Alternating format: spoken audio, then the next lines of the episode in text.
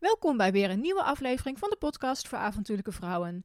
De Nederlandse inspiratiepodcast voor vrouwen die graag een avontuurlijke leven willen leiden. Mijn naam is Antoinette Spaan en ik ben wandelaar, schrijver en wereldreiziger. In deze aflevering ga ik in gesprek met fietser en auteur Marika van der Meer. Marika heeft talloze grote fietsavonturen over de hele wereld op haar cv staan. Onlangs bracht ze haar boek Dwaalspoor uit over haar fietsreis rondom de wereld die ze het afgelopen jaar maakte. In deze aflevering van de podcast gaan we in gesprek over hoe het is om alleen als vrouw de wereld over te fietsen, veiligheid onderweg, avontuurlijk leven en alles wat hiermee te maken heeft. Voor we verder gaan wil ik graag nog je aandacht vragen voor het volgende. De podcast voor avontuurlijke vrouwen is een project dat ik op vrijwillige basis doe en me elke maand een x-bedrag kost om te produceren en in de lucht te houden. Mocht je genieten van de podcast en de vrouwen die je hoort, dan zou ik het heel tof vinden als je wilt overwegen een donatie te doen, ter waarde van een kop koffie. Hiermee kan ik de podcast in de lucht houden en nog meer inspirerende vrouwen interviewen. Doneren kan via avontuurlijkevrouwen.nl slash doneren. Ik wens je heel veel luisterplezier bij deze aflevering van de podcast voor avontuurlijke vrouwen.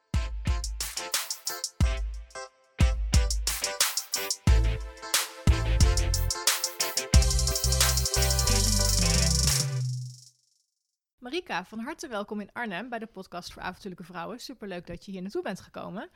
Ehm, voor de vrouwen die luisteren en jou niet kennen, wie ben je en wat doe je? Ja, wie ben ik? Ehm, ik ben Marika van der Meer. Uh, ik heb uh, ja, in mijn jeugd altijd geturnd, dus ik was, ben wel vrij sportief. En ik denk wel dat uh, dat mij een beetje gevormd heeft, dat ik daar een bepaalde gedrevenheid door gekregen ben, waardoor ik mijzelf heel graag extreme dingen opleg. Ik werk in de fotografie, ik schrijf reisgidsen, reisboeken. Um, ik organiseer reizen, maar het liefst ben ik gewoon zelf op reis. En dan, uh, dan maak ik mijn reizen zo lang mogelijk, zodat ik er ook heel lang over doe om weer, weer thuis te komen. Ja, en dan doe ik dat meestal op de fiets, want uh, op de fiets kom je niet zo heel hard vooruit, maar toch hard genoeg. Dus je kunt uh, aardig wat uh, terrein doorkruisen op een fiets. Vandaar. Ja, ja ik, kwam jou in het, uh, of jij kwam op mijn blikveld, vizier, hoe zeg je dat? Uh, doordat ik een, jouw, jouw nieuwste boek toegestuurd kreeg, Dwaalspoor. Een vrouw op haar fiets alleen de wereld rond. En ik heb hem tot 30 bladzijden, ik kreeg hem net niet uit. Vandaag heb ik gisteravond nog liggen lezen en uh, vanmorgen nog. Ik heb hem net niet uit, dus dat ga ik vanavond nog even doen. Um, maar in dit boek beschrijf jij jouw meest recente reis, waarbij je als doel had om de fiets, of de wereld helemaal rond te fietsen. Ja, dat klopt. Maar als je 30 bladzijden niet gelezen hebt, dan heb je de 400 wel gelezen. Ja. Want het is een behoorlijke pil geworden. Ja, ja, ja. Ja, um, ik probeer altijd wel een, met een doel op reis te gaan. En uh, uh, mijn allereerste fietsreis, die was van het uh, meest zuidelijke puntje van Zuid-Amerika naar Alaska. Dus ik dacht, laat ik die twee continenten eens eventjes proberen te bereizen op een fiets. Dat was ook omdat ik, ja, nadat ik een aantal jaren reisleidster was geweest, uh, een kantoorbaan aan, had aangenomen. En dat was zo saai. Dus mijn gedachten dwaalden af. En ik dacht van ja, wat is het langste, langste stukje op de kaart wat ik kan vinden? En dat Ja. was Vuurland, Alaska. Dus dat heb, heb ik helemaal gefietst. En uh, dat had een beetje de afsluiter moeten zijn van mijn reizende bestaan als reisleidster. Maar dat werd een nieuw begin. En toen dacht ik, wat, uh, wat kan ik nog meer? En toen had ik bedacht, ik ga uh, op verjaardagvisite bij een vriendin in Australië. Dus toen ben ik van uh, Nederland naar Australië gefietst. Ja, en toen, wat denk je dan? Dus ik werd 50. En ik dacht, als ik nou op de fiets naar mijn verjaardagsfeestje ga, dat was op 30 kilometer van mijn huis, dan ga ik gewoon de verkeerde kant om terug. Want ja, de wereld is rond. Dus um, als je maar lang genoeg de verkeerde kant op fietst, dan kom je ook weer thuis. Ja. Dus dat was uh, de opzet uh, deze keer. En ik had eigenlijk vanaf het begin al de werktitel dwaalspoor, want ik wilde niet in één rechte lijn. Ik Nee. wilde een, een kronkel maken langs de mooiste stukjes op aarde. Tenminste, zoveel mogelijk. En vandaar dat het een behoorlijk dwaalspoor geworden is. Ja, ja, dat kunnen mensen ook zien op jou op de kaart die voor in het boek staat. Um, want je bent dus uiteindelijk met een vrachtschip vanaf Antwerpen of Brussel, ben hem even kwijt. Antwerpen. Antwerpen ben je ja. met een vrachtschip naar Brazilië gegaan. Naar Uruguay, Montevideo. Oh, ja. Maar dat, dat is een, een, als je een vrachtschip neemt, uh, je kunt op een aantal havens instappen en uitstappen. Maar Mhm. zo'n zo'n vrachtschip, dat um, vaart rondjes over de oceaan. Doet daarbij allemaal havensteden aan. Oh ja. En overal pakken ze vracht op en Mhm. laden ze vracht uit. oh ja. Dus um, toen ik mijn ticket boekte voor het vrachtschip, stond er op 30 dagen. Hmm. Maar een vrachtschip is niet als een trein die bij iedere haven stopt en gewoon weer door kan. Het is geen scheduled uh, vast schema. Absoluut niet. Want uh, soms lig je twee dagen voor anker, drie dagen voor anker, voordat je een keer een haven binnen mag. Ja. Ja, en als het stormt, dan kun je ook niet verder. Dus dan lig je weer een paar dagen te wachten tot de storm voorbij is. Dus uiteindelijk uh, ben ik met mijn vrachtschip via Spanje en toen Casablanca in Marokko naar uh, Dakar, Senegal, Guinea, um, Conakry en Guinea. Uh, overgestoken naar een aantal havens in Brazilië. Toen nog in Argentinië gestopt. En was ik na 47 dagen pas in oh. Montevideo. Dus we hadden 17 dagen vertraging. vertraging ja. ja. Uh, om meteen even daarop in te haken, want ik heb echt, nou volgens mij wel duizend vragen voor je. Hoe, hoe probeer je je niet daaraan te ergeren? Want ik kan me voorstellen, één dag vertraging, twee, een week vertraging, maar 17 dagen vertraging. Je hebt natuurlijk een soort van idee, ik ga fietsen.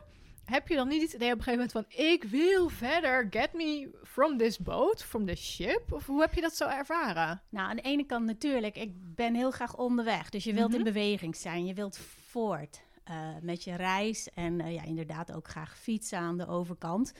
Maar ja, aan de andere kant, je moet je beseffen dat je hebt een ticket betaald voor zo'n vrachtschip. Ja. Voor 30 dagen. Dus je gaat ervan uit dat je 30 dagen eten en drinken krijgt. Ja.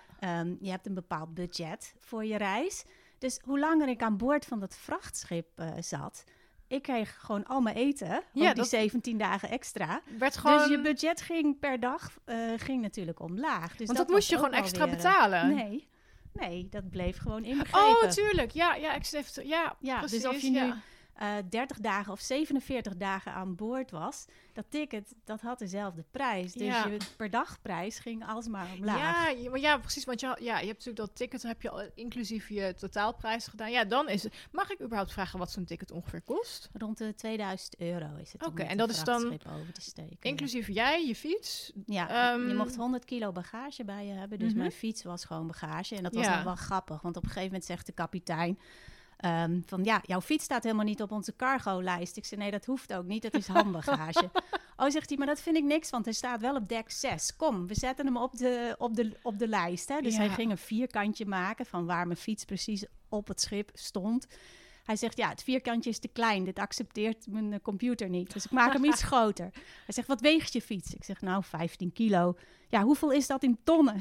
zegt hij. Oh, Dat ja. was niet uit te drukken. Dus vandaar dat de fiets gewoon handbagage is en Ja. geen, geen cargo. Dus dat Ja. eh, 15 kilo, dat geldt voor... Telt, dat is voor zo'n vrachtschip eigenlijk... stelt het helemaal niks voor. Dus, eh, Nee, nee, ja, ik heb de foto van het schip in jouw boek gezien, want je hebt ook een paar fotopagina's in het boek zitten. En dan denk ik echt, wauw, dat je inderdaad gewoon een fiets mee. En eh, nou ja, en als, dat, ja, en als je dan het kan leiden, ook qua eh, einddatum of qua eind om te zeggen van, nou, ik ben 17 dagen langer onderweg. Had jij überhaupt, want jij dacht van, nou, ik ga de wereld omfietsen, had jij gezegd, dan wil ik terug zijn? Of heb je gewoon gedacht, ik ga en ik zie wel waar ik uitkom? Nou, ik had bedacht nu ongeveer terug te zijn, november 2020. Maar Hmm. inmiddels ben ik natuurlijk Ja. al zes maanden thuis.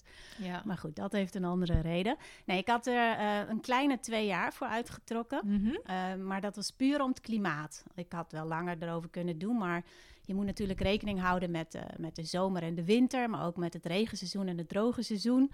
En eh, op zich die, die twee weken vertraging op zo'n boot, dat is niet zo heel erg. Ik wist dat, ehm, dat ik moest ongeveer in september in Paramaribo zijn. Mhm. Om daar een beetje... Om dan een beetje aansluiting te vinden met eh, de bootjes die dan het Caribisch gebied ingingen. Ja. Dus daar, daar fietste ik op af, zeg Ja. maar. Ja, want even voor, voor de luisteraars. Ik heb natuurlijk jouw boek hier voor me. Jij bent dus eh, Brazilië, Argentinië. Eh, nee, je kwam aan in Uruguay. Ja, Toen- zal ik het even Ja, overnemen? doe maar. Want ik, ik heb het redelijk in mijn hoofd. Dan heb ik meteen de juiste volgorde te Ja, ik ben in, in maart in Uruguay aangekomen. Mhm. Nou, dat is niet zo'n groot land. Toen heb ik eerst wel even 1500 kilometer omgefietst. Een stukje door Argentinië om de eh Iguazu-watervallen te zien. Daarna door Paraguay weer terug. Dan kom je terug in Argentinië. Ben ik richting het Andesgebergte gefietst. En dan ga je dus eh, ja, langzaam omhoog. Salta eh, ligt al op 1200 meter. En dan werk je je weg naar de grens met Bolivia. Dan zit je al boven de 3000 meter. Ja, en het hoogplateau in Bolivia is dan ook weer boven de 4000 meter. Dus ik kwam steeds hoger. Nou, dan daal je in Bolivia weer af naar het regenwoud, het Amazonegebied in. Uh, ben ik van het Boliviaanse Amazonegebied naar Brazilië gegaan. En dan door Brits-Guyana naar Suriname. Dat was een beetje de route in, eh, in Zuid-Amerika. Ja, en toen ben je overgestoken naar het Caribisch gebied? Ja, vanuit uh, Suriname had ik thuis bedacht van dan ga ik liften met zeilboten. Dus dan, ja, dan steek ik mijn duim op. Maar zo gaat het natuurlijk niet met een zeilboot. Uh, dus toen ik in Suriname aankwam, toen dacht ik: oké, leuk idee, maar hoe, uh, hoe, gaan, we dit, uh, ja, hoe gaan we dit doen? Dus ik ben gaan kamperen op de jachthaven, dat mocht gelukkig. En er was een restaurantje en daar had ik eigenlijk een soort van stamtafel, waar al die zeilers ook langskwamen. En dus met iedereen een beetje kletsen en een beetje kijken wie waarheen ging. En uiteindelijk bleek er een Belgische solo-zeiler. En die ging als eerste vertrekken richting het Caribisch gebied. Dus ik denk, ja, die moet ik hebben. Maar dat is een echte solo-zeiler. Dus die zei ook tegen mij: Ja, ik ben heel erg gewend om alleen aan boord te, te zijn. En alleen weet ik wat ik heb, maar ik weet niet wat er gebeurt als er nog iemand op mijn boot zit. Daar had hij helemaal geen ervaring mee. Nee, dus hij oh. had daar, had daar eerst ook helemaal geen zin in. Dus ik zei, nou ja, prima, ik zoek wel verder. Ik bedoel, uh, kijk gewoon om me heen. En toen, uh, uh, de dag dat hij, zeg maar, zijn papieren moest gaan stempelen in, in Paramaribo... Toen stond hij ochtends om acht uur naast mijn tent. Marika, ben je wakker? Ik zei ja. Hij zegt, ehm, wil je nog steeds mee? Ik zei ja, tuurlijk. Nou, ik heb me bedacht. Kom maar, we gaan nu onze stempels halen. Ja, of ik dan uh, binnen een half uur kon vertrekken en uh, richting Paramaribo om, uh, om bijgeschreven te worden op de bemanningslijst. Want dat is heel belangrijk. Je moet dus op een bemanningslijst staan om met een boot naar een, ander... een volgend land te kunnen, naar een ander oh, land. Ja, Anders ben je ja. verstekeling. Ja, Inderdaad. Ja, nu ja. dat zo zegt, klinkt dat heel... Dat is niet iets waar ik zo bij nadenk. Maar dat, nu je dat zegt, klinkt dat eigenlijk heel logisch natuurlijk. Dat wist ik ook niet. Nee. Maar goed, daar kom je dan wel achter. En het was nog niet zo moeilijk dan om op die bemanningslijst te komen. Maar als je aankwam op een eiland, moest je er ook weer vanaf. Ja, dat je een soort van, uit, dat, dat je een soort van uitreisbewijs ja, hebt maar dan moest je dus de, de douane mensen kunnen bewijzen... dat je ook weer een voertuig of iets had om hun land te verlaten. En ik had geen vliegtuigtickets. Nee. Dus ik moest dan vlug op zoek naar een nieuwe boot...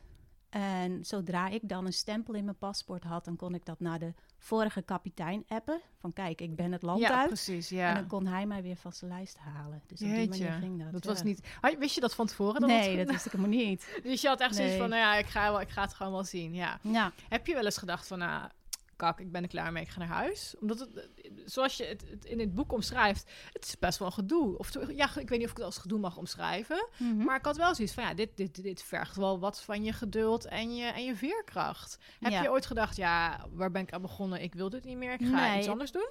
Ik, heb, ik denk nooit, ik ga naar huis. Want opgeven staat gewoon niet in mijn woordenboek. Goed zo. Je kunt hooguit je strategieën een beetje aanpassen. Ja, ja. Kijk, mijn strategie was, ik wilde per se per zeilboot het Caribisch gebied door. Of per Mhm. boot. Van eiland naar eiland. En eh, nadat ik al zeven keer had gelift met een privéboot... en een aantal ferries had genomen... zat ik uiteindelijk op de Dominicaanse Republiek. Dus daar was ik helemaal gekomen met Ja, dat is best wel liften. ver al. ja. hè, er zit alleen Ja. eigenlijk Cuba er nog tussen en dan ben je in Amerika. Ja, en toen ging ik op de fiets de stad uit. Dus eh, eh, Santa Domingo verliet ik op mijn fiets. Naar wat eh, bezienswaardigheden buiten de stad. En toen kreeg de toeristenpolitie achter me aan. Die zei, wat doe je hier alleen op je fiets? Dat kan helemaal niet. Ik zei, nou ja, dat kan dus wel. Want ik doe het. Ja, maar die zeiden: nee, nee, nee, we geven je begeleiding. Ik stuur even een mannetje met je mee op de brommer. Dus daar kreeg ik escortes. En ik denk, ja, als dit de enige manier is waarop ik dit land door mag fietsen, dan wordt dat dus helemaal niks. Plus, ik zat ook op een moment, iedereen kwam het Caribisch gebied in. Dus alle zeilers die kwamen vanuit Amerika of vanuit Zuid-Amerika richting het Caribisch gebied. En op dat moment wilde ik er weer uit. En daar had ik Ja. geen rekening mee Oh, gehouden. want het is vanwege de orkanen, ja, denk het ik, niet? orkaanseizoen. Ja, dus het was net ja. na het orkaanseizoen kwam ik het Caribisch gebied in. Dus het gebied in, dat ging re- redelijk goed. Maar daaruit was... Maar ik kwam er niet uit. Dus toen was het wel zo, ja, wat doe ik nou? En toen heb ik uiteindelijk gezegd, nou ja, dan pak ik het vliegtuig naar Santiago de Cuba. Dat is dus de eerstvolgende, eh, ja, de eerste stad op Cuba, vanaf Mhm. de kant waar ik kwam. Eh, want ik wilde Haiti, kon ik eigenlijk ook niet door. Dat was gewoon niet Nee, vertrouwd. nee, Nee. nee. Dus toen ben ik gevlogen. Het enige was dat ik dus op Cuba stond en mijn fiets niet. Ja, dat, uh, dat heb ik las ik. En ik dacht, oh my god, hoe loopt dit af? Dat is toch wel even uh, slapeloze nacht, lijkt mij. Ja, dat was niet fijn. Dat was absoluut niet fijn. En dan eh, land je op Cuba en dan is je fiets er niet. En, maar ja, toen kwam er zo'n oude, oude Amerikaanse taxi voorrijden. En toen dacht ik ook alweer, ja, relax man. Je bent Het op Cuba. Komt wel goed. Komt wel weer goed. Ja, ja. En dat kwam het wel. Het kwam goed, ja. ja. Want anders dan zou je niet nog doorgegaan zijn naar Amerika uiteindelijk. Ja, dus toen, uh, toen ben ik in Miami beland. En daar kreeg ik gelukkig uh, bezoek. Een, een, vriend van me die kwam uh, drie maanden mee fietsen. Mm -hmm. dwars door Amerika. Dus van de, de, wat zitten we dan? De oostkust naar de westkust. Mm -hmm. Miami ja. naar Los Angeles. Ja. ja, dus toen zijn we begonnen in, het, in Florida. Um, en dan zo richting New Orleans, Texas. Ja, de zuidelijke staten een beetje. Waar je ja. eigenlijk normaal gesproken nooit wat weinig over leest.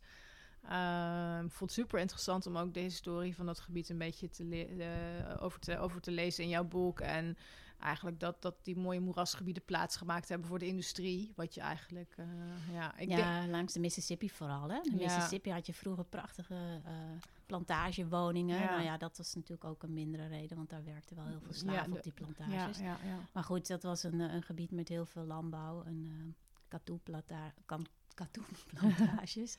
en dat is nu gewoon één grote industriële ja. corridor. Ik dacht, ik ga leuk langs de Mississippi fietsen. Ja, dat, dat zou. Uh, dat klinkt heel, ja. heel sprookjesachtig, ja, maar, maar totaal het was niet. ook best mooi, want we fietsten op een dijk. Dus je fietste echt met uitzicht op de rivier. Terwijl het verkeer beneden aan de dijk reed. Die zag oh, niks. Die zagen niks.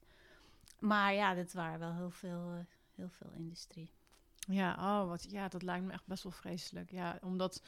Um, ja, um, je wil eigenlijk het mooiste van elk gebied meepakken. Maar ja, de realiteit zal natuurlijk anders zijn. Dat als je gaat uh, een lange afstandstocht doet, dat je ook op minder mooie gebieden zult komen.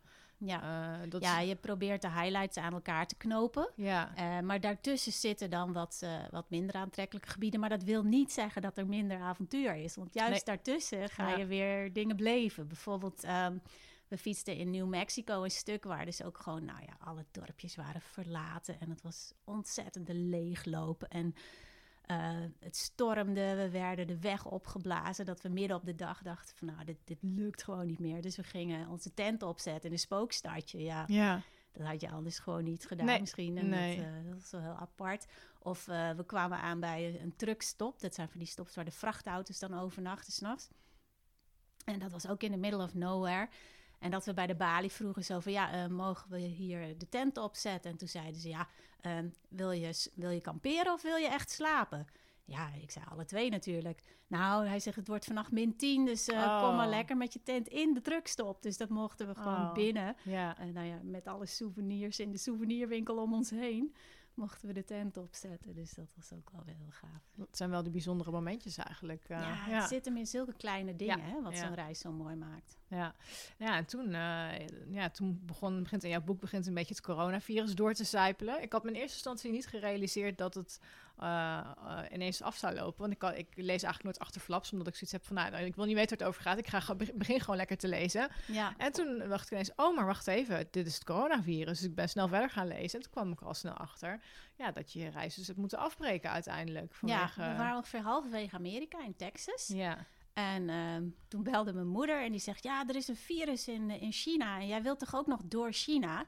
Ik zei, ja, maar dat is maar pas, pas over een paar maanden. Dan hebben ze dat wel weer opgelost. Ja. Maar goed, dat virus, dat kwam naar Europa. Dat kwam ook naar Amerika. En ja, rond 13 maart gingen opeens alle grenzen dicht. Want Trump die vond dat niemand meer naar Amerika mocht. En uh, toen hadden we wel zoiets van, oké, okay, wat doen we nou? Maar ik denk, ja, iedereen wil nu natuurlijk naar huis. Dus laat eerst al die mensen die bang zijn maar naar huis gaan. ja, want je was niet, je was niet bang. Je nee, helemaal niet. Nee, ik was gewoon doorgegaan hoor. Als, ja. uh, als, als ze me hadden ja, toegelaten in Japan, was ik ook naar Japan gevlogen. Um, dus uh, we, ja, we, zijn nog, we hebben het kunnen rekken tot uh, 4 april. Dus ja, dan zit je al dik drie weken nadat mensen in Nederland al in een lockdown gingen. Ja, we fietsten door, door de middle of nowhere. Dus uh, we, we, kampeerden in de woestijn. Je komt, je komt bijna niemand tegen. Nee. Ja, we moesten nog wel via Las Vegas. Dus dat was ook een hele vreemde gewaarwording. Want ik ben reisleidster in Amerika geweest en ik ben wel dertig keer in Las Vegas geweest waar het altijd ontzettend druk is. En nu Ja. was er niemand. Je kon gewoon over de hoofdstraat, over de Las Vegas strip op de Oh, fiets. mooi. Heb je daar foto's van? Ja, Het lijkt me vreselijk indrukwekkend. Gewoon, ik ben er één keer geweest en ik vond het fantastisch en vreselijk tegelijk. Op, op allerlei manieren. Maar dat zijn echt van die momenten dat je denkt, nou, dat ik dit nog mag meemaken. Ja, lijkt dat me. was, dat was een hele, hele aparte gewaarwording. Ja. En toen realiseerde me, ik me ook wel zoiets over, ja, kan ik dit nog wel verantwoorden dat ik hier nog steeds ben? Kan ik Ja. tegenover ja. de buitenwereld nog wel verantwoorden dat ik nog op reis ben?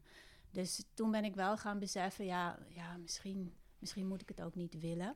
Ik had al wel een ticket naar Japan geboekt. Ik had ook al een appartement in Tokio waar ik twee weken in quarantaine zou. Want ik dacht, ja, in Japan is het virus alweer op zijn retour. In, in Korea was het al bijna opgelost. Dus ik denk, als ik, als ik gewoon in Japan kan komen, misschien kan ik dan wel door. Misschien red ik het dan nog wel Ja. Om helemaal rond de wereld te fietsen. ja, toen zaten we allemaal nog met het idee van dit is over een paar weken weer voorbij. Tenminste, ik, Ja. als ik even op mezelf terugkijk. Ja, ik was in Lapland toen ik, of, nou, ik was in januari in Lapland. Toen zaten de Chinezen met mij het vliegtuig met een mondkapje. En mijn vriendin en ik zeiden echt van, ha, kijk nou, daar heb je mensen met... We deden er grappig over. Ze van, ah, dat is een coronaatje. Ja, en achteraf is het natuurlijk verschrikkelijk dat je dat soort geintjes maakt. Want kijk eens waar we nu in zitten. Ik Ja. had niet verwacht dat, we zo, dat, dat, we zo, dat het zo ver zou gaan uiteindelijk. Nee. Had jij verwacht dat je uiteindelijk weer een half Nee, jaar in Nederland had, zou eh, komen? Ik had, ik had geen, la- laat ik zo zeggen, ik had geen tweede golf verwacht. Ik dacht wel dat we het onder controle zouden kunnen krijgen. Ja, zoals ja, ze dat dan ja. in Azië toch wel iets beter gedaan hebben uiteindelijk. Ehm, maar ja, ik, ik, ik eh, ging naar de luchthaven en eh, op 3, 3 april was het dat Japan de grenzen dichtgooide. Dus eh, op 4 april vroeg, eh, zou ik vliegen. Dus op 3 april vroeg ik of ik nog mee mocht, de dag daarna. En toen kreeg ik na 20 minuten het oordeel van nee, we mogen alleen nog maar Japanse paspoorten mee aan boord. Dus eh, we kunnen jou niet meer naar Japan vervoeren. En dan, ja, dan zit je in een rollercoaster, want dan moet je opeens naar huis. En dan Ja. moet je je ticket gaan regelen. Je moet regelen dat je fiets mee naar huis kan. Dat, Ja. ehm, ja. Ja. Dus dat geregeld, dat houdt je dan zo, Hmm, zo ja. in je macht dat je eigenlijk pas goed en wel door hebt dat je reis voorbij is als je dan weer op, eh, geland bent, ja. landt, ja. Ja, en ik las in het einde van jouw boek, ik ben dus even doorgescrolld naar de laatste pagina's, omdat ik gewoon heel benieuwd was hoe het, eh, hoe het was. Ik pak hem daar even bij. Even kijken hoor.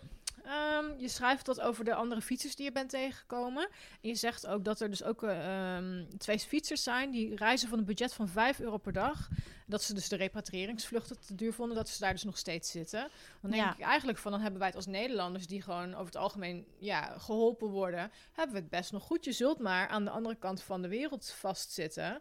Ik heb bijvoorbeeld gehoord dat op sommige plekken in de wereld dat het echt niet fijn is om daar nu een toerist te zijn. Nee. Heb je wel eens die realisatie gehad van Amerika was precies het moment waar ik op dat moment moest zijn om veilig naar huis te kunnen? Of- Nou ja, vanuit Japan was ik ook gewoon thuis gekomen. De, volgens mij vliegt de KLM nog steeds op Tokio. Dat zijn ze ook blijven Ja. doen, zoals LA ook. ja. Ja, Anja en Barbara uit Slovenië, die, die reisden van 5 Ja. vijf euro per dag. Ja. Die zijn nog een maand of drie in, eh, in Ecuador gebleven. Zo van, ja, op een gegeven moment mogen we wel verder. We willen ook Ja. gewoon niet dat onze reis voorbij is. Nee, nee, ja. En eh, ja, ze zaten natuurlijk wel in een, een land waar ze van een vrij klein budget konden leven ja. leven. Maar die zijn uiteindelijk ook naar huis gevlogen en hebben dus inderdaad 1500 euro moeten betalen voor een repatriëringsvlucht. Want repatriëring is niet gratis, hè? dat betaal je dus gewoon Ja, voor. Dat ja, Nederland ja. je op komt halen, dat betaal je voor. Maar goed, als je verzekerd bent, dan wordt je in sommige gevallen dat, eh, dat vergoed. ja. Ik kon gelukkig nog voor 450 euro terugvliegen met de KLM. Oh, dat was goedkoop. Mijn vriend moest, ik moest 300 euro voor het ticket uit Marrakesh betalen. Dat ja, was echt, dus ik eh, kwam nog goedkoop vanuit kost normaal LA. 50 euro. Ik denk, nou, Transavia heeft, eh, die doet, deed iets van 10 van die vluchten of zo. Die vinden die hier ook nog eens een keer knap aan. eh, ja, maar goed, nou ja, de 450 KLM euro, vloog ja. gewoon door voor normale tarieven. ja, En eh, ja, dus, dus die zijn na drie maanden ook naar huis Toch wel naar huis want, gegaan, eh. Je kunt niks, je kunt nergens heen. En Nee. inderdaad, het was wel zo geweest als ik naar Japan was gevlogen. In Amerika zien ze nog niet gelijk dat je geen Amerikaan bent. Maar Nee, in ja. Japan zien ze wel dat je geen Japanner bent. En daar word je wel heel veel op aangekeken. Dan Ja. zo van, wat doe je hier? Ben je het virus aan het eh Ja, dan word je snel als de boosdoener gezien. Waar Ja. ze je misschien normaal gesproken verwelkomen als van toerist en leuk en welkom dat je hier bent. Ja. Ehm, Ja. kijken ze je toch met hele andere ogen Ja, van aan. inderdaad kom je de boel hier nog erger, erger maken. Ja. Nou, laten we het niet te langer over corona hebben, want volgens mij wordt het overal al genoeg, eh, of breed genoeg uitgemeten. Ja. Ehm, ik had ehm, nog iets uit je boek gehaald eh, waar ik het even met je over wilde hebben. Of kijken van nou ja, hoe jij daarin staat. Jij schrijft op een gegeven moment. ehm, omdat nou de podcast is natuurlijk voor avontuurlijke vrouwen. En ik probeer vrouwen heel erg in te laten zien dat avontuur hoeft niet moeilijk te zijn, hoeft niet lastig te zijn. Eh, je gaat vaak wel out of your comfort zone. Maar voor mij zit avontuur zit ook niet. Eh, het avontuur is niet meetbaar voor mij. Ik denk dat voor iedereen persoonlijk avontuur heel persoonlijk is. En gisteren heb ik bijvoorbeeld, ging ik hier in Oosterbeek. Ik heb ooit van die blauwe paaltjes zien staan in het bos. En ik dacht elke keer al van, waar zouden die blauwe paaltjes, waar zouden die heen gaan? Dus ik heb gewoon gisteren dacht ik, nou, ik maak gewoon even wat vrije tijd en ik ga die paaltjes eens een keertje volgen. Super simpel, maar ik had geen idee waar ik uit zou komen. En dat is dan eigenlijk een mini micro-avontuur. Van ik denk, nou, zomaar op de maandagmiddag een onbekend stuk wandelen, hartstikke leuk. Um, maar jij schrijft in jouw boek, um, ik merk ook dat een aantal fietsers nog veel meer avontuur, um, nog veel meer avontuur nodig hebben dan ik. Nathan uit Australië en Angel uit Amerika zijn het liefst dagenlang in de wildernis. Ze koken op hout en filteren hun water uit de rivieren.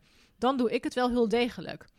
Um, heb jij voor jouzelf afgebakend wat avontuur is en uh, wat je wel en niet, misschien ook vooral niet doet op zo'n reis?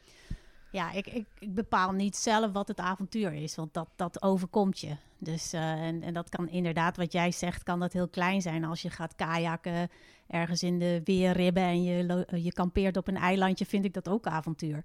Maar um, ik heb wel met mezelf afgesproken, ik, ik wil op de fiets. Dus mm -hmm. ik wil op de fiets rond de wereld. Dat betekent dat ik alle land van mezelf moet fietsen. Mag ja. niet een auto nemen of een lift nemen of een... Uh, een, een, een, trein of een bus. Uh, alleen puur uit noodzaak, als ja. het niet anders kan. Maar ik mag bijvoorbeeld wel met een boot, omdat dat leuk is. Ja, en, ja. Um, en soms ook noodzakelijk, omdat de wegen dan zo slecht zijn dat je er anders met een fiets niet, uh, niet voorbij komt. En dat was in, in het Amazonegebied een paar keer het geval, dat ik dus een boot heb genomen. Dus ja, dat, dat doe ik niet omdat het anders geen avontuur is, maar dat doe ik meer om het vol te houden. Want uh, je moet je voorstellen, dit, dit, heel veel mensen denken, oh fiets, dat is heel fysiek. Maar voor mij is dit absoluut geen fysieke uitdaging. Ik bedoel, iedereen die een klein beetje traint, die kan best 80 kilometer per dag fietsen. Dat, dat is gewoon, dat is heel haalbaar. Maar je moet wel iedere ochtend weer je bed uitkomen, mm. je fietstassen inpakken, die tassen aan je fiets hangen en gaan fietsen. Dus het is veel meer een mentale uitdaging. Ja. Um, dus ja, wanneer is iets nou avontuur? Ik denk dat iets avontuur is als je ochtends niet weet waar je s'avonds uitkomt. Ja, goeie. Dus ja. dat is voor mij een beetje, een beetje de definitie van ja. avontuur. Dat je niet ja. alles van tevoren hebt gepland en voorbereid. Um, maar dat je dus, ja, dus nog een beetje aan het toeval, dingen aan het toeval overlaat. En, en dat, dat is denk ik wat dit het moeilijkste maakt. Niet alle mensen durven dat. Uh, om niet te weten waar je die avond gaat slapen. Mm -hmm. Uh, bij mij is het nog altijd goed gekomen, dus ik heb er ook altijd vertrouwen in dat het wel goed komt. Ja, ja. Dus vandaar dat, dat je dan iedere dag toch wel weer op die fiets durft te stappen. En, en weet dat het en ja. ergens wel ergens uitkomt. Ja, ja, ja. nou dat vind ik een hele mooie gedachte. Um, want ik um, heb uh, ooit het idee gehad om de Pacific Crest Trail te lopen in Amerika. Mhm. Mm -hmm. Noem je ook een keer in jouw boek. En um, op een gegeven moment merkte ik, ik heb filmpjes erover gekeken en boeken erover gelezen. En ik merk heel erg dat er, we moeten op tijd in Canada zijn voordat de sneeuw valt. En we moeten zoveel mijl per dag halen. En dat ging me zo tegenstaan dat, dat mensen daarover hebben van, ik moet zoveel mijl, want anders ben ik niet op tijd.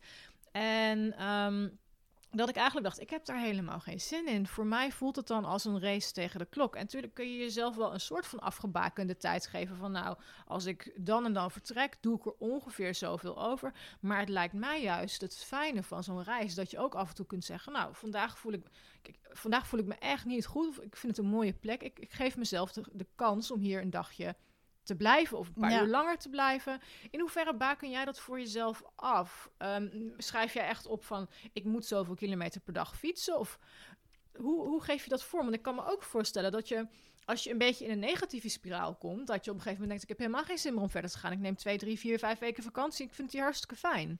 Ja, nee, um, wat ik altijd doe, is ik pak een wereldkaart voor me. Uh, ik ga ongeveer het lijntje uittekenen van waar ik langs wil. Mm -hmm.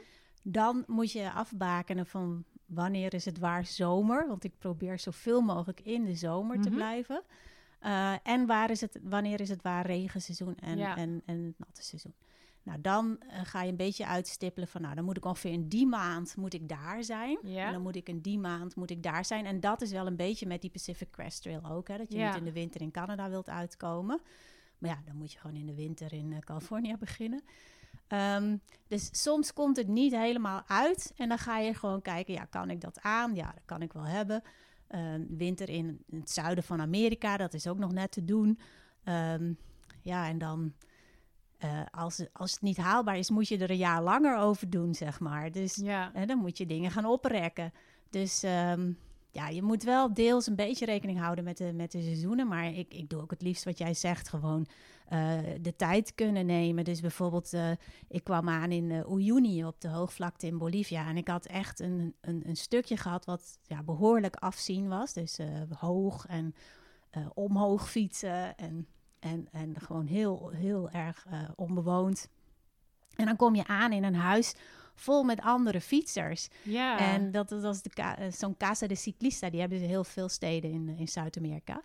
En daar, ehm, daar zaten acht fietsers op dat moment. En we, hadden, we deelden natuurlijk verhalen. We maakten kampvuurtjes op de patio. En, en iedereen kwam aan, maar niemand ging weer weg. Want het was Ah. veel te gezellig. Dus Ja. uiteindelijk waren we met twintig fietsers in dat huis. En ik denk dat ik eh, er drie keer ben geweest. Dus ik ben gewoon rondjes gaan fietsen vanuit dat huis. Dus een rondje van vier dagen, een rondje van twee Ja. dagen. En eh, ja, tot ik uiteindelijk toch wel verder moest. ja. Maar dat is wel heel mooi dat dat, dat kan. Dat je daar dan even eh, ja, tijdje soort- neerstrijkt. Een tijdje neerstrijkt, ja. Ja, en heb jij ook... Ik merk zelf als ik langere tijd op, eh, op reis ben, dan... eh, Nou ja, voor mij is dat meestal max drie maanden. Dat ik op een gegeven moment denk, ik heb gewoon even behoefte aan rust. Eén of twee dagen. Geef je, Mm, ja. spij- spijbel jij wel eens van het fietsen? Dat je even Mm. denkt, vandaag even geen fysieke arbeid, laat maar zeggen? Ja, als ik, eh, als ik dus ergens aankom en ik eh, zet mijn fiets weg, dus eh, ik heb even een paar dagen rust, dan wil ik ook niet fietsen op die rustdagen. Dan ga ik, Nee, ga ik liever lopen. Ja. even wat andere beweging. Ja, Ehm, maar weet je, je moet het fietsen ook niet zo zien als moeten. Het is je transport. Dus of Ja. je nou op, in een auto stapt of op een fiets, het is jouw vervoermiddel. Dus ja, ja, ja. als je verder wil, dan moet je weer op moet wel fiets fietsen. stappen. Ja, ja. Ja, Waarom heb je ooit voor fietsen gekozen in plaats van autorijden of wandelen? Ehm, omdat het er mooi tussenin valt. Eh, op, als je gaat wandelen, kom je gewoon niet ver genoeg voor mijn eh, Mhm. gevoel. Of dan doe je er veel te lang over. Ik ben wel eens een wandelaar tegengekomen en hadden we uitgerekend dat wat hij in drie dagen deed, dat kon ik in één dag. Ja, klopt. Dus je gaat ongeveer drie keer zo snel op een fiets. En met de auto, eh, ik, ik ben ook een keer op reis geweest met de auto. Ik ben vanuit Nederland naar Kaapstad gereden. Oh, dus heel Afrika door. Ja. West-Afrika 1, Oost-Afrika weer terug in een jaar. En dat vond ik ook fantastisch. En ik denk ook niet dat ik Afrika zo snel op de fiets zou doen. Omdat je toch in een auto iets veiliger voelt en ook betere slaapplekken kunt vinden. En in de auto kunt slapen. Maar ehm, ja, op, op een fiets heb je geen harnas om je heen. Je staat zoveel dichter bij de bevolking. Je kunt overal stoppen om een foto te maken. Want je hoeft alleen maar je fiets even aan de kant van de weg te zetten. En dat Ja. wil met een auto niet. Nee, maar dat vind ik dus met fietsen al irritant. Dat ik dat eigenlijk niet zomaar kan. Ja, oké, gaan we het zo even over hebben. Want jij zegt het over die camera. Ja, Ja, en ik, ik ben dus een wandelaar. En ik denk, ik kan al vanuit losse hand knippen. En toen ben ik een keer op een fietsvakantie gegaan. Toen dacht ik, oh, ik moet ook keer mijn fiets aan de kant zetten. ja maar en dat jij heb ik er dat wel. dus... Nee, dat heb ik er wel voor over. En ik ben ook niet iemand die met een telefoon fotografeert of zo. ik heb echt een spiegelreflex bij me en ik Ja. wil mooie foto's maken. Dus dan zet ik mijn fiets ook aan de kant en dan, dan ben ik ook wel tien minuten bezig om even Ja. wat mooie plaatjes te schieten. En ja, dus ik vind het ideaal dat ik overal kan stoppen. En het contact met de lokale bevolking is veel meer. Want eh, ja, ja. Zelfs in ontwikkelingslanden, dan komen ze naast je fietsen en dan maken ze een kletspraatje. Natuurlijk willen ze altijd weten wat je fiets kost. Dus dan zeg ik ja, Oh, echt? zeg ik een maandsalaris of zo. En dan klopt dat wel, want dat kost hun fiets ook. Ja. Dat is dan wel een Boliviaans maandsalaris en bij mij een Nederlands ja, maar dan geef je ze in ieder geval wel een idee. Ja, ja, Ja. ja. Ja. Oh ja, nee, want dat inderdaad. Ik ben dus ooit één keer echt op fietsvakantie geweest. was op Tasmanië. Heb ik eh, de kust van Tasmanië afgefietst. En ik merkte, omdat ik zelf dus een wandelaar ben, dat ik heel snel, elke keer als ik foto's wilde maken, dat ik moest afstappen. En dat voor mijn gevoel was dat een onderbreking van wat ik aan het doen was. Terwijl als ik wandel, dan doe ik gewoon uit de losse hand ik, ja, ik fotografeer met mijn telefoon en ik had toen ook een spiegelreflex. Ehm, maar eh, word je de, heb jij het idee dat je heel selectief bent wat foto's maken betreft? Want ik kan me voorstellen, als je zegt ik moet vandaag 80 kilometer, of ik wil vandaag 80 kilometer doen, en dat je niet elke vijf minuten kan, kunt stoppen. Ja. Hoe bepaal ja, je... daar zit wel wat in. Dus op een gegeven moment, je kunt natuurlijk vanaf de fiets heel goed framen. Dus ik, ik Mhm. stop echt pas als ik denk, oh ja, dit, Dit is is een mooi hem. framepje, dit Ja. is hem. En soms fiets ik ook wel eens ergens aan voorbij en dan denk ik, oh jee, ik had toch moeten stoppen. Maar inderdaad, als je nog voor donker ergens aan moet komen, dan moet je zelf soms een klein beetje beperking opleggen. ja. Of je moet het ervoor over hebben om eh, eerder te stoppen en te wild kamperen of wat dan ook. ja, precies. Ja, ja, ja. Ja, ik sta er even aan terug te denken. Ik vind fietsen, ik vind het niet per definitie niet, niet leuk, maar ik weet niet, het is eigenlijk nooit echt meer van de grond gekomen na die ene vakantie. Misschien omdat mijn huidige eh, vriend ook echt geen fietser is en degene met wie ik dat toen heb gedaan wel, die vond het echt heel erg leuk. En dat we nu gewoon zeggen, we gaan gewoon lekker te voet of zo. Ik zit even te denken van, ik zou het best wel weer een keer willen doen. Ja, nou ja, Ehm, ik hoop eigenlijk dat mijn boek jou geïnspireerd Ja, heeft om, nou, eh, om weer te gaan fietsen. Hij staat hier in de, in, de, in de schuur of in de garage. En ik heb nog twee van die mooie fietstassen die ik op jouw foto zie. Dus wie weet dat ik gewoon een keer lekker... eh, ik weet ook niet echt, er is ook geen reden waarom ik het niet doe. Of tenminste, ja, nou, is iets om over na te denken. Ehm, Even ook iets anders. Ik had mezelf nog wat, wat vragen toegestuurd die ik dan tijdens het lezen van jouw boek... dat ik dacht van, oh, dat wil ik vragen, dat wil ik vragen. Ehm, maar dat is gewoon ook een, een beetje een algemene vraag. Want ik eh, merk aan mezelf, ik ben, word dit jaar 40. Jij bent in het boek 51 geworden. Eh, en ik merk dat ik, omdat ik dus ouder word, wordt voor mijn gevoel de leeftijd in de hostels met name jonger. Heb je wel eens zoiets van, goh, ehm, eh, dat je niet kunt connecten met de jongere generatie? Of is dat onder fietsers, is dat heel erg, leeftijd maakt niet uit, het wordt sowieso leuk, tof, gezellig? Ja, ik, ik dacht vroeger altijd, als je dan van die mensen met grijs haar zag in een eh jeugdherberg, zo van wat doen die hier? Maar ik snap het nu, ik heb nog niet echt grijs haar hoor, maar Nee, je ik, hebt geen snap, grijs haar, nee. ik snap het nu veel beter. Want als je eenmaal opgegroeid bent met, eh, met jeugdherbergen, dan wil je eigenlijk helemaal niet in een hotel. Want de jeugdherberg is veel te gezellig.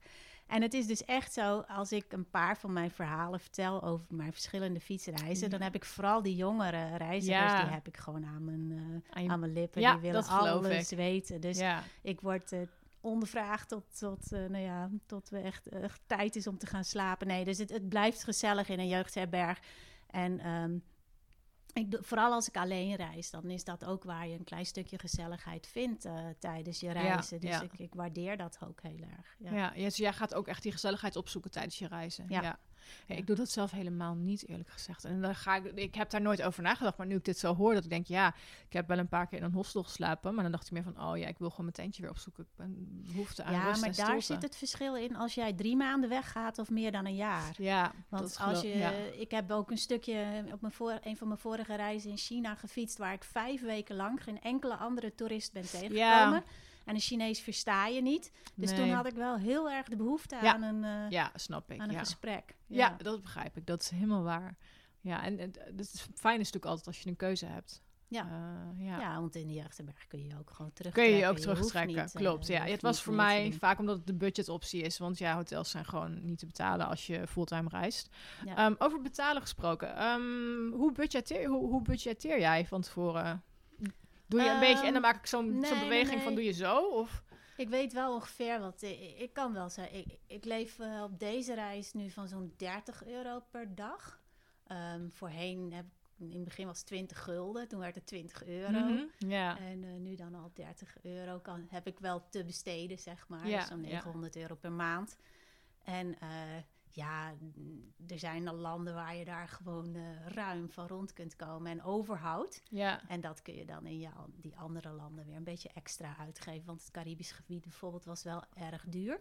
Ja, dat las ik in jouw boek. Dat was Ja. eigenlijk eh Alleen had ik wel weer de geluk dat ik heel vaak op een boot mocht slapen. Dus dat Ja. ik mee kon liften. Dus dat scheelde dan weer wat eh, overnachtingskosten. Ja.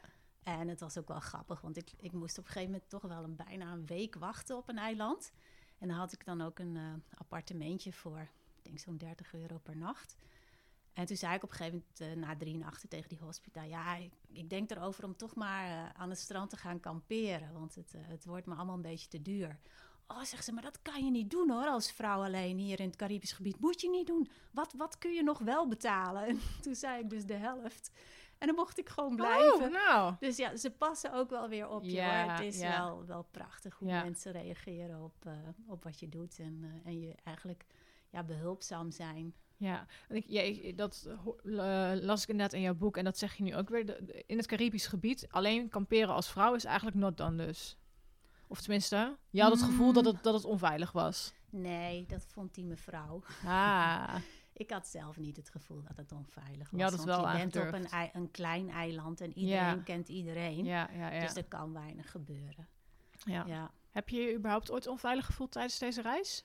Mm, ik ben nog wel steeds iemand die niet heel graag eh, wild kampeert in er eentje. Dus en dan Mhm. bedoel ik dus dat, dat je helemaal nergens eh, bij mensen bent. Dus Mhm. ik kampeer wel in dorpjes op de voetbalvelden of op een schoolpleintje. Maar dan heb ik eerst met die dorpelingen ja, echt gesproken. even toestemming gevraagd. Ja. Precies, ja. Maar helemaal alleen, dus echt je tent verstoppen. ehm, dat doe ik niet zo heel graag. Ehm, en dan, ja, dan, dan slaap ik gewoon minder goed. Ja, doe het wel. Ja, nou ik vind het heel mooi dat je dat aangeeft. Want ik heb vorige week heb ik een eh Q&A ook gedaan met volgers op Instagram. En daar is meerdere keren de vraag uitgekomen, ik durf niet te wild kamperen.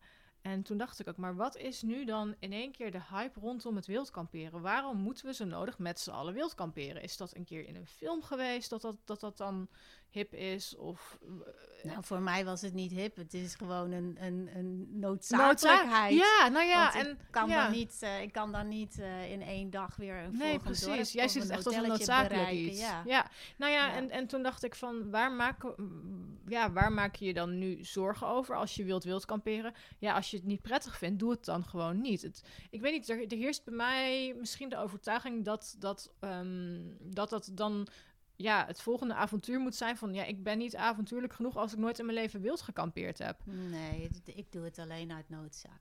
Alleen dat noodzaak. Nou, dat vind Ja. ik mooi om te horen. Want ja, voor mij is wild kamperen inderdaad ook niet iets waarvan ik denk van ja, daar, daar beleef ik extreem veel lol aan. Of zo. Ik heb het in Zweden veel gedaan. En, eh, maar ja, in Nederland doe ik het niet omdat het niet is toegestaan. Precies om de reden wat jij zegt. Van ja, ik zou me er gewoon verschrikkelijk ongemakkelijk bij voelen. Volgens mij zou ik geen oog dicht doen s'nachts. Dus Nee. ik denk van ja. Nee, ja. je, moet je, je kunt pas slapen als je je veilig voelt. Ja, ja. Dus je moet altijd waar je tent opzet van tevoren zorgen dat je even wat contact Even, hebt ja, gehad met mensen, dat je je veilig voelt. Dat er iemand ook weet dat jij daar staat. Dat lijkt me ook wel. Hoe, hoe heb je contact met thuisonderhouden überhaupt tijdens deze reis?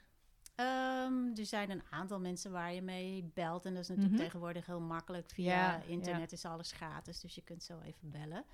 En eh, voor de rest, ik zet misschien eh, één keer in de drie weken iets op Facebook. Ja, eh, vooral foto's. En ehm, ja, daar krijg je reacties op en dan heb je wat heen en weer. En ja, ja. Zo hou je dat wel bij. En dan, op, dan zodra je thuis bent, stap je ook weer heel, heel snel in je normale sociale leven. Ja. Ja, dat, ja, dat Behalve gaat met gewoon- corona dan. Ja, nou ja, dat is echt. Dat, dat ja, hadden we allemaal niet kunnen voorspellen een half jaar geleden hoe het nu eruit eh, Nee. zou zien. Heb je überhaupt plan om je reis alsnog af te maken? Of, of iets in die. Ik heb voor mezelf besloten dat deze reis had een begin en ook een heel duidelijk eind. En dat het einde anders is dan gepland. Ja, dat, dat is gewoon deels het avontuur. Ja, Dus dat ja. is gewoon zo. Mooi. En ik heb ook het idee dat als ik nu bijvoorbeeld de reis weer zou oppakken in Japan, ja, dan vlieg je van hier naar Japan en dan fiets je terug, dan, heb ik, dan ben ik nog niet rond de wereld gefietst voor mijn gevoel. Nee, nee. Dus het, het zou mijn laatste fietsreis zijn, maar eigenlijk is dit gewoon echt een mooie kans om het eh, nog een Ja. keer te doen Waarom zou het je laatste fietsreis zijn? Omdat ik dacht, nu heb ik alles wel gehad. Ik ben van Vuurland naar Alaska gefietst, van Nederland naar Australië. En nu rond de wereld. Ja, dan blijft eigenlijk alleen het Afrikaanse continent over. ja. En ik heb toch niet zo'n ambitie om daar te fietsen. Nee, nee. Oké. Terwijl het grappig dat, dat het sommige mensen trekt Afrika heel erg en sommige juist weer niet. Ik zou eerder voor de optie gaan eh, Alaska Ushuaia, omdat ik ik vind Alaska helemaal geweldig en ik vind Ushuaia, ik vind 18 Chili ook heel mooi. Ik ben ook echt Amerika-fan, als in zijnde niet van Trump en alles wat erbij komt kijken, maar wel van het land qua landschap aan zich. Dus ja, ik zeg, begrijp wat je zegt van Afrika, dat ik ben er ook nog nooit geweest. Dat trekt mij persoonlijk ook, eh, ook niet Ja, zo. Afrika trekt me absoluut. En ik, ik heb er natuurlijk een jaar rond gereisd met, eh, met een... Oh ja, wat eh, je net zei met je auto. auto. Ja, eh, prachtig. En, en, maar de mensen zijn nog zo puur dat, ze bijna, dat het bijna gewoon dan een beetje ehm, eh, te, te avontuurlijk wordt, zeg maar. Ja, ja.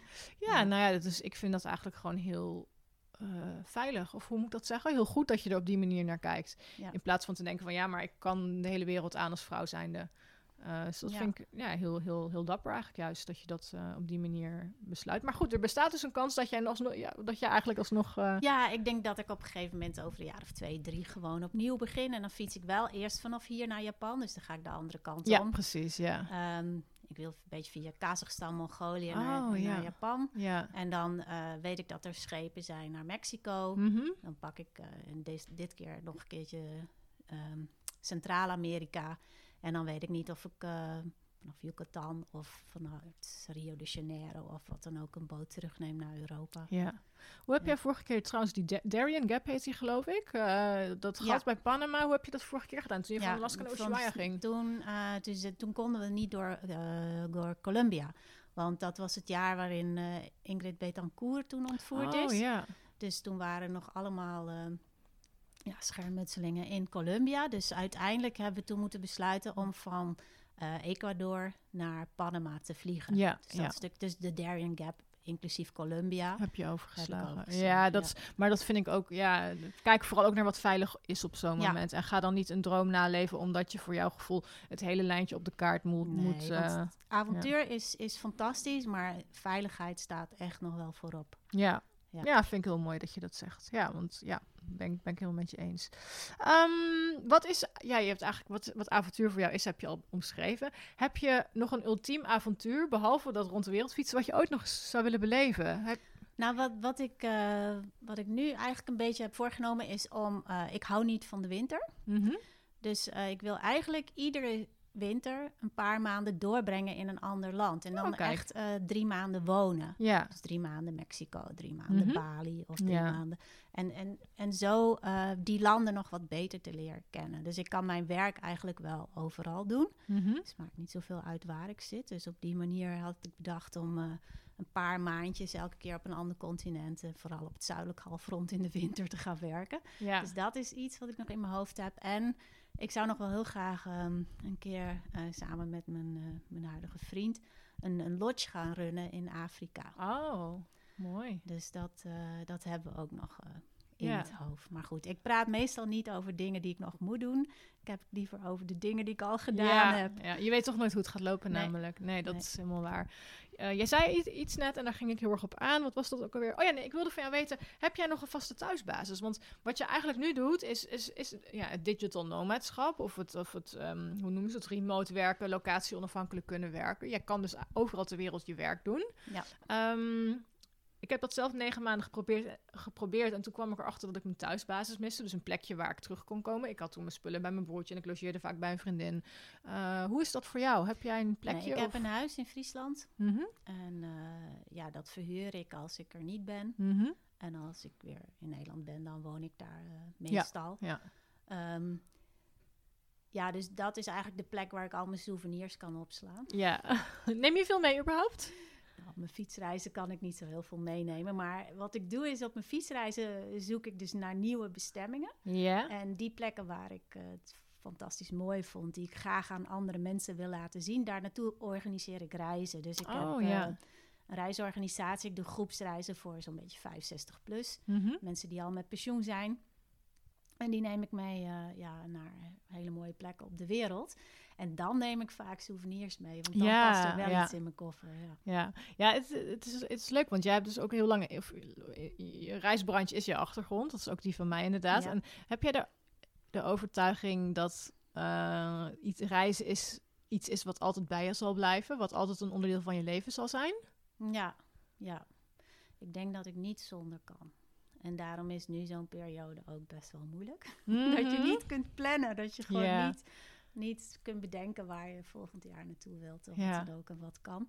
Nee, dus ik, ik, ik, ben, ik heb een toeristische opleiding gedaan. En ik was vrij jong toen ik klaar was met mijn studie. Toen dacht ik, nou, tot mijn 25ste mag ik doen en laten wat ik wil. Dus toen heb ik overal en nergens gewerkt. En toen was ik 25 en dan dacht ik, ja... Nou ja, tot mijn dertigste mag ook nog, mag ook nog wel. Ja. Dus toen heb ik op mijn 29ste geprobeerd eh, om een, eh, een, ja, een jaar in Nederland te werken. En dat was helemaal niet voor mij. En toen heb ik bedacht, oké, dit is gewoon mijn lot. Ja, ik, eh, ja. ik doe waar ik zin in heb en ik verdien er geld mee en kan rondkomen. Dus ehm, ja, ja, dat is alles wat je nodig dat hebt. is alles wat ik nodig heb, ja. Ja, ja.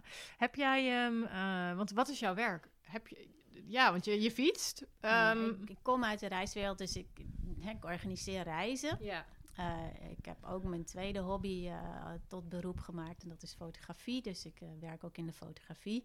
Ehm, die combinatie maakt weer dat ik reisgidsen kan, kan schrijven. Dus ik reis, ik haal, verzamel mijn informatie, ik maak alle foto's en mag daarover reisgidsen schrijven. En ja, over mijn, mijn fietsreizen, mijn grote reizen, heb ik dus eh, gewone boeken geschreven. Dit is dan mijn vierde boek. Ja. Dus ja, zo langzamerhand, eh, ja, wat ben ik? Ik weet het niet. ja, joh, ze vroegen mij laatst ook om mij te omschrijven. Ik sta deze week in de Viva en ze vroegen ook aan mij, wat doe jij? En toen stond in één woord. En ik dacht echt, toen heb ik gezegd, ik ben professioneel avonturier. Ik dacht, ja, ik kan ook wel zeggen, ik ben schrijver, maar dat ben ik niet. Ja, ik schrijf stukjes op mijn website. Ik ben ook Ja. wel schrijver, ik ben ook een wereldreiziger, ik ben ook blogger, influencer, geef het beestje een naampje. Dus het is eigenlijk niet in Ja, één, in dus één naam te eh, omschrijven. Nee, nee. En bent- dat, dat is juist het mooie. Je, Ja. ik, ik hou niet van routine. Nee. Eh, ik zei laatst tegen iemand, sommige mensen zijn eh, bang voor het onbekende, maar Ja. ik word daar juist blij van. Jij wordt, jij wordt blij van het onbekende. Ja, Ja. mooi. Nou, vind ik een mooie, een mooie realisatie. Ehm, wat heb je altijd mee in je rugzak als avontuurlijke vrouw? Of ik weet niet, draag je een rugzak tijdens het fietsen? Of? nee, nee, nee, nee, ik heb fietstassen. hè? Ja, maar je hebt zo'n fronttasje of zo'n ja, nou stuurtasje. ja, mijn, mijn fietstassen zijn eigenlijk ja, heel, eh, heel ehm, ja, hoe noem je dat? Ingedeeld naar wat ik nodig heb. Mhm. Ehm, voor heb ik aan de ene kant mijn keukenspullen, dus Ja. een benzinebrander en eh, mijn pot en pannen. Aan de andere kant wat reparatiespullen en daar kan dan nog wat eten bij. En achter heb ik een, eh, een tas met slaapspullen. Mhm. Eh, dus je matrasje, je slaapzak, je toilettas. En dan aan de andere kant mijn kleding. En daaroverheen de tent. En dat is het wel zo ongeveer. Ja, Ik Heb- vind het ook heerlijk, want je hebt geen keuzestress. Hè? Ik heb maar twee setjes fietskleding, twee Ja. setjes gewone kleding. ja, ja. dus ik hoef 's ochtends echt niet na te denken over Nee. wat ik aantrek. En ben jij een grammenjager als fietser? Of maakt het bij fietsen minder uit? Nee, het is, wel, het is toch wel belangrijk dat je je beperkt in het gewicht. Mhm. Maar iets minder dan een wandelaar. Dus Ja. een fietser, je kunt... ehm, Je hebt niet je tandenborstel afgebroken, laat maar zeggen, om, eh, om, om twee gram te be- besparen. Nee, Nee. nee. ik, ik heb denk ik nog wel zo'n 30 kilo op mijn fiets, aan mijn Ah, fiets hangen. Ja. Ja. Nou ja, ik zit even te denken, 30 kilo, dat is best aardig. Als je dan kijkt naar wat je dan kunt meenemen als je naar hiking kijkt. Maar jij, jij draagt ook, je, of je, je hebt je laptop, je hebt je camera. Ja, ik heb nog laptop, camera, alles mee. Ja, ja. precies. Ja, ja. En, eh, ja. en een mobiel heb je ook een GPS, want je, je, je, je, je Ik fietst had op GPS. altijd wel een GPS, Mhm. maar deze keer heb ik die halverwege terug mee naar huis gegeven, want eh, ik deed alles met mijn telefoon. Oh ja. Ja, je moet alleen zorgen dat je altijd wel goed opgeladen hebt, dus je moet Ja. ook wel een powerbank bij je Ja, hebben. precies. Ja, ja. En eh, niet s'avonds nog allemaal filmpjes gaan kijken als je drie nachten moet eh nee, als je weet dat je drie dagen met die batterij moet doen, nee, nee, nee. Ja, dus je moet je een beetje beperken in hoeveel, eh, hoeveel je gebruikt. Nee, in principe doe ik alles met mijn telefoon. Ja, oké. ja. Ehm, ik zit even te denken. Heb ik verder nog vragen? Nou, volgens mij hebben we... Is er nog iets wat je wilt vertellen? Of dat je echt denkt van, dat heb je niet gevraagd? Ik heb volgens mij heel veel zitten vertellen het Ja, maar dat, afgelopen... dat is... Ja, dat, Is, dat is ook de bedoeling. Want ik vind het gewoon super... Ja, ik hoor jou van alles vertellen. En denk, oh, ik moet dat zo nog vragen, en dat zo nog vragen, en dat zo nog vragen. Maar aan de andere kant, een gesprek loopt ook zoals het eh, loopt uiteindelijk. Ja, nu dus weer in Nederland. Ja, het Ja. regent, het wordt koud. En nou ja, dat vind ik wel. Jij zei net van, eh, ja, ik kan nog niet bedenken waar ik over een jaar naartoe ga. En dat mis ik wel heel erg aan het reizen. Het stukje... de eh, voorpret. de voorpret? Ja. Ja. nou ja, ik, ik zou dit jaar naar Spitsbergen gaan. En ja, ik, ik op een gegeven moment kwam corona. We hadden geboekt en een maand later was corona. En ja, dan denk je toch van ja, het zal, ja, we gaan wel gewoon, we gaan wel gewoon, we gaan wel gewoon. Uiteindelijk niet mezelf de volledige voorpret toegestaan uit angst dat het wel eens tegen zou kunnen gaan vallen. Want de Spitsbergen is echt een once in a lifetime, zou ik maar zeggen. Voor, voor mij in ieder geval. En, ehm, sorry, ik ben er twee keer geweest. Oh! nou ja, wie weet voor mij ook niet. Ik, ik ben dus zeven keer in Alaska geweest, dus ik weet wat je... Ja, dat is voor mij ook zo'n ding dat ik denk, ja. Maar goed, Spitsbergen geboekt, eh, best ook wel veel geld voor betaald. En ja, en we hebben nu omgeboekt naar volgend jaar. En ik, vraag, ik denk bij mezelf, ja, ik durf me er eigenlijk gewoon niet op te verheugen. Want Nee, de teleurstelling is, eh, ja, ik, heb er, ik, hoop het echt. Nou ja, het, Ja. Idee, het idee is omdat om Spitsbergen, dat hebben we dan eind juni, vriendin van mij en ik. En dan hoop ik aansluitend twee maanden Zweden te doen met de auto. Ja. Ehm, maar ja, ik heb zoiets, ja, weet Nee, je, voor mij de magische datum is 1 mei. 1 mei, oké. Ja. Want dan gaat de 1 hele wereld eh, open? ja, 1 mei wordt alles weer normaal. Oh, fijn. Dan, eh, dat heb ik mezelf Ja, toebedeeld. Dat, Ik- ja, eh, ja, ik- dat is de datum. Ja, dus daar leven we naartoe. We het, moeten nog even het, die winter door. Ik Ja. hou niet van de winter, dus vanaf 1 mei wordt het sowieso... Vanaf mei is het altijd, Altijd weer lekker weer. Ja, En ja. dan, eh, dan gaan we gewoon weer alle dingen kunnen doen die we willen doen. ja. Zullen we dat afspreken? ja, dat vind ik een goede deal. Ja, ik ga in, eh, in april naar Nieuw-Zeeland. Dat heb ik mezelf voorgenomen. Geen Dat- idee hoe nog, maar dat gaat ook gewoon gebeuren. Ehm, als jij eh, terugkijkt op al je avonturen, want nou ja, eh, Alaska Ushuaia. eh, heb je Alaska Ushuaia ook zo gedaan in die Nee, volgorde? Ushuaia, Alaska. Ushuaia, Ushuaia, Alaska. En dus nou dit avontuur en je fietsreis naar Australië. Ja. Wat is het mooiste wat jij ooit hebt gezien als je één ding mag kiezen? Landschappelijk gezien. Nou, ik zeg altijd, mijn lievelingsland is Bolivia. Mhm. Eh, ik ben echt helemaal gek op de Salar de Uyuni, die grote zoutvlakte. Ja, lijkt me geweldig. Ehm, die staat ook op je foto. Dit ja, is je foto. dat is de voorkant van mijn ja, boek, ja. waar ik eh, nog een handstand maak op mijn 51ste Super vet, ja. achter, mijn, achter mijn fiets. Ja, ehm, nee, dus ik denk, eh, ik denk, ja, Bolivia is, is, maar dan wil ik het als land in zijn geheel. Dus eh, ja, ja. eh, de vulkanen, de, de gekleurde lagunes, Ja. de mensen in hun traditionele kleding. Mhm. En ik was daar voor het eerst in 1995 en dan moest je echt nog zoeken om een auto met een chauffeur die je dus Oh, ging rondrijden daar. Ja. Inmiddels zijn er wel iets van honderd organisaties die dat doen. Maar Ja. goed, het, het, toch blijft het land echt heel puur. Dus ik, ja, het mooiste wat ik gezien heb, toch wel Bolivia. Bolivia, ja. Ehm, is wat je, dan ga ik meteen weer even aan, want ik zou heel graag naar Bolivia willen. Is het wat je, ik ben namelijk in Atacama geweest, in Chili, vrij toeristisch, maar ik was daar al op zich heel erg onder de in- indruk van het landschap. Zou jij zeggen dat, dat Bolivia nog de, voor mij voelt het namelijk als de overtreffende trap van de Atacama-woestijn, wat ik ervan gezien heb. Ja, nou heb je vanuit eh, eh, San Pedro de Atacama wel een aantal excursies die wel landschappelijk overeenkomen met Bolivia. Maar San Pedro de Atacama is echt een toeristische Ja. oase met allemaal eh, eh, restaurantjes. En als je Bolivia intrekt en je bent bijvoorbeeld eh, vanaf San Pedro de Atacama vier dagen onderweg naar Uyuni in Mhm. Bolivia, ehm, dan, dan logeer je echt in, in accommodatie. Dat is alleen maar een, een, een betonnen bed met een matras erop en Ja. een kacheltje erbij soms, als je geluk hebt. ja. Eh, dus het is, het is nog een stukje primitiever allemaal. En Ja. dat, dat, ja, Denk je dat het zo gaat blijven daar? Dat ze niet verpest nee, worden want door het de... is sinds, ne- het, sinds dat ik daar kwam in 1995 is het ook al is heel al erg veranderd. Ja. Maar toch niet in dat tempo dat ik denk van het is nu niet meer zo authentiek als Ja. toen. Als je er nu voor de eerste keer komt, is het ook fantastisch mooi. Ben jij wel eens bang, of sla jij wel eens bepaalde plekken over uit de angst dat het niet meer zo zal zijn als hoe het was in je herinnering? Ehm, nee, ik sla het dan niet over. Ehm, bepaalde dingen veranderen en dat weet je gewoon. Maar je moet ook bedenken dat het ook in het voordeel is van die mensen. Ja. Dus Ja. wij willen dat het heel puur en authentiek blijft. Maar die mensen mogen zich toch ook ontwikkelen? Ja, helemaal mee eens. Dus Volledig als je het op eens, die ja. manier bekijkt, Ja. dan kun je het ze niet kwalijk nemen. En de natuur blijft de natuur wel. Als ze maar niet de natuur gaan verknoeien. Nee, nee, Nee. nee. Ja, ik, ehm, ik, heb dat in, ik ben ooit in Queenstown geweest in Nieuw-Zeeland in 2001. Nou, dat is nu bijna, dat is nee, bijna 20 jaar geleden. En toen was het al toeristisch en druk. Maar dat landschap daaromheen vind ik verschrikkelijk indrukwekkend met de Remarkables en de blauwe meren die ze hebben. Ja. En vorig jaar was ik er een tijdje, toen dacht ik echt, oh my god, wat erg. Toen dacht ik, nee, focus op de mooie natuur die, die hier nog steeds is, waar ik nog steeds het van kan genieten. Alleen laat die stad gewoon achter je. Wat ze daarmee gedaan hebben is gewoon zonde. Ja, en toch is het de enige plek op de wereld waar ik ben gaan bungee jumpen, omdat het daar is ontstaan. Ik heb Dus- hem ook gedaan. Heb je ook Ja. van die brug gedaan? ja, Ja, ik ook. van de brug waar de eerste keer Yes. mensen hebben gebungee jumped. de Ik wilde hel. gelijk weer. Ja? Ja. Nou, ik, nou ja, eh, maar zou het nu nog een keer doen? Nee. Nee, nou, dat is precies Maar hetzelfde. dat is, je krijgt zo'n adrenali- adrenaline boost, dat als je naar beneden bent gesprongen, dan wil je gelijk nog een keer. Ja, ja, ja. Maar tien minuten later is dat is klaar. is ja. klaar. Nee, klopt. Ik moest, voor, ik moest voor mijn blog. Ze hebben mij ooit een keer op een adventure ding gestuurd hier in Nederland. En eh, ik zou niet gaan weten wat ik zou gaan doen die dag.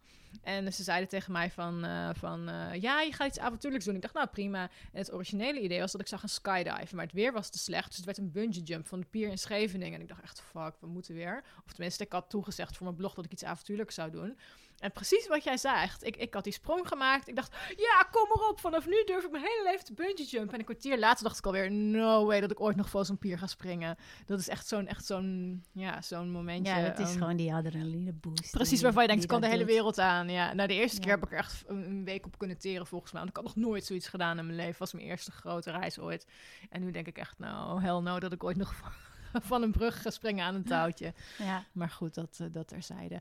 Ja. Ehm, nou, we gaan hem afronden. Ehm, wil je nog heel kort de andere, je andere eh, want je hebt een aantal ha- reishandboeken, maar ook een aantal eh, reisverhalen geschreven. Misschien wil je ze nog even kort promoten, waar ze ja, over ik heb voor uitgeverij Elmar heb ik het reishandboek over Bolivia geschreven.